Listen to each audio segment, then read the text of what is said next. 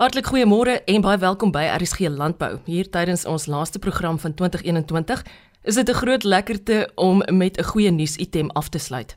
'n Ywerige vroue landbouer van die Parel is onlangs aangewys as die agriwerker van die jaar by die jaarlikse Wes-Kaap Prestige Agri Kompetisie.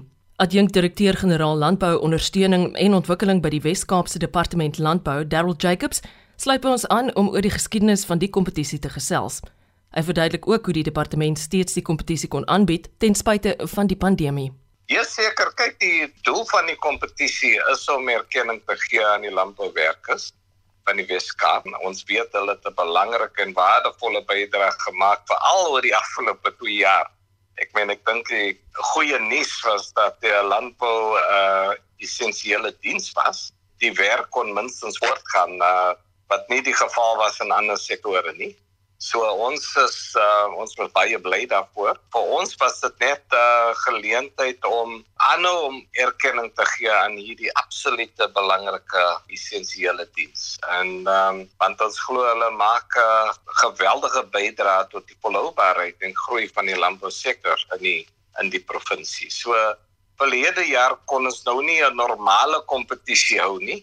Maar on, ons het toe gevoel jy, jy weet om aanhou erkenning te gee aan die aan die werkers. Wat ons gaan doen is basies om hulle stories te begin skryf en te deel. So in plaas daarvan dat 'n kompetisie was, ons het dit heeltemal anders hanteer. Soos ek sê verlede jaar was net 'n geleentheid om die werkers op streekvlak hulle stories te laat publiseer in fotos en plaaslike koerante net sodat die werkers kan voel hulle is nog belangrik. Daar is goeie stories uit die landbousektor en dat dit het vir ons uh, geweldig baie beteken dat ons net die storie in die midde van 'n pandemie van hartseer van uh, bedroefdheid van sterftes was daar goeie inspirerende stories uit die landbousektor.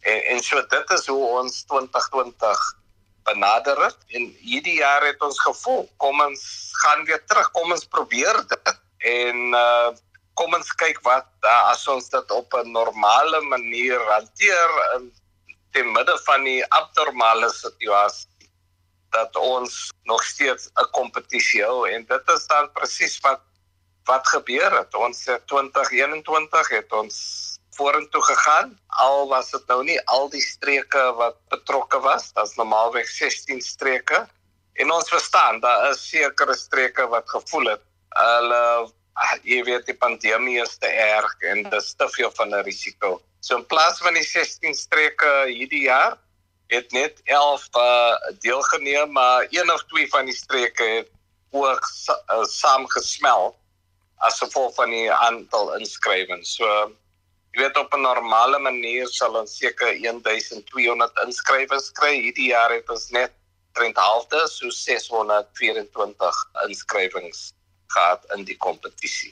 So uh, dit is die die verskil tussen 2020 met vorige jare en dan 21 met met verlede jaar. So uh, ek meen ons is baie opgewonde selfs met die 624 deelnemers hierdie hierdie jaar in vanuit die 11 streke en in 11 kategorieë is ons opgewonde dat daar's fantastiese inspirerende stories. Wanneer is hierdie kompetisie vir die eerste keer gehou?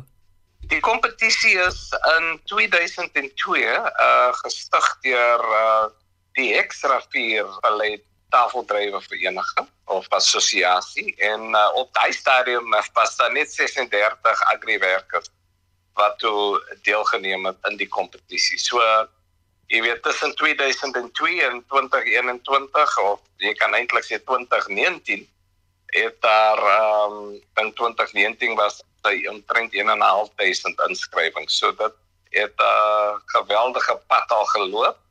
Ons as departement het uh in 2005 deel gevorm van hierdie hierdie kompetisie en besluit dit moet groei dit moet uitgaan na elke streek, elke dorp, elke omgewing in hierdie in hierdie Weskaap. Tot datum is daar meer as 14000 agriwerkers wat al deelgeneem het in hierdie kompetisie.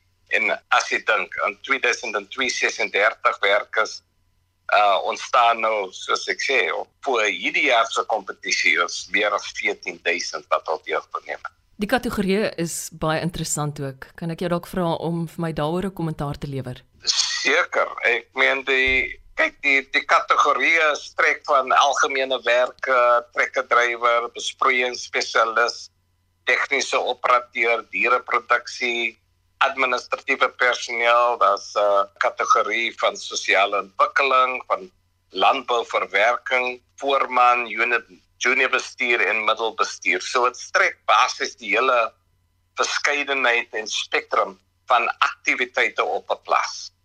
En uh, ek dink dit uh, gee basies almal 'n kans om deel te voel van hierdie proses en van hierdie kompetisie.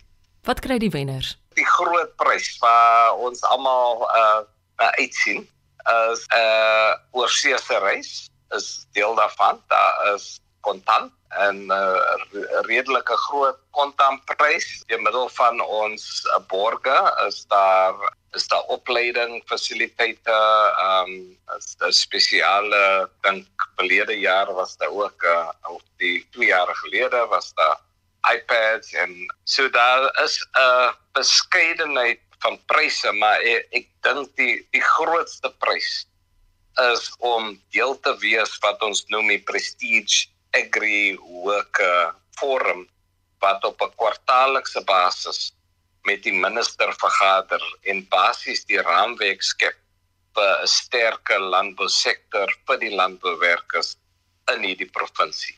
So kontantpryse, Shoprite vouchers, oorseese reis, iPad, maar soos ek sê, die die geleentheid om deel te wees van 'n beleidsmakende proses om die landbousektor en die landbouwerkers, agriwerkers te bemagtig in die provinsie. En uh, ek ek moet ook sê, jy weet as jy, jy praat met vorige wenners, elkeen van hulle sal jou vertel die impak wat dit gemaak het vir hulle eintlik amper as helde in hulle gemeenskappe gesien word. Hulle is amper so 'n nuwe wêreld oopge oopgemaak het vir hulle en en ek dink dis ook verder deel van wat 'n wonderlike impak hierdie kompetisie het. Hulle is hulle is gemeenskapsleiers in hulle eie reg.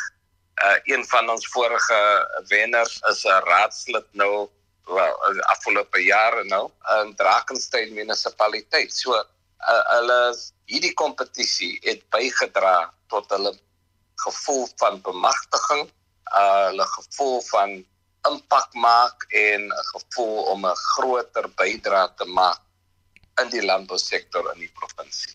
Ek wil jou graag uitvra daaroor. Ek weet hierdie kompetisie beteken vir soveel mense ongelooflik baie. En daar is ook mense wie se lewens handomkeer verander het nadat hulle deelgeneem het en gewen het. Ja. Kan jy dalk vir my een of twee voorbeelde noem van sulke mense? Ja, kyk, uh, ek meen een van die vorige wenners, Jerome Thomas, hy het toe begin, uh, ek meen en hy was op plaas. Ja, jy weet hy hy toe nadat hy die kompetisie gewen het, het hy geglo.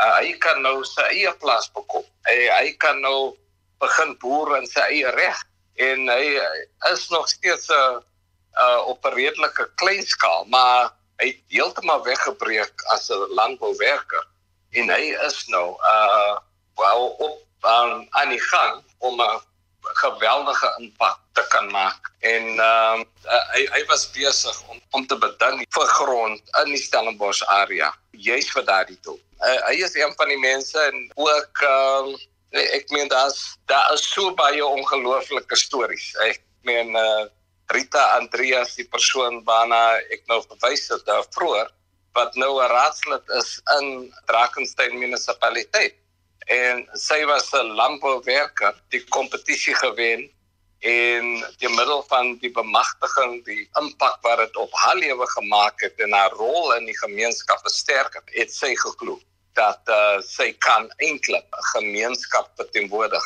en sy het toe begin om uh, as 'n raadslid in in Drakensberg munisipaliteit te werk te gaan.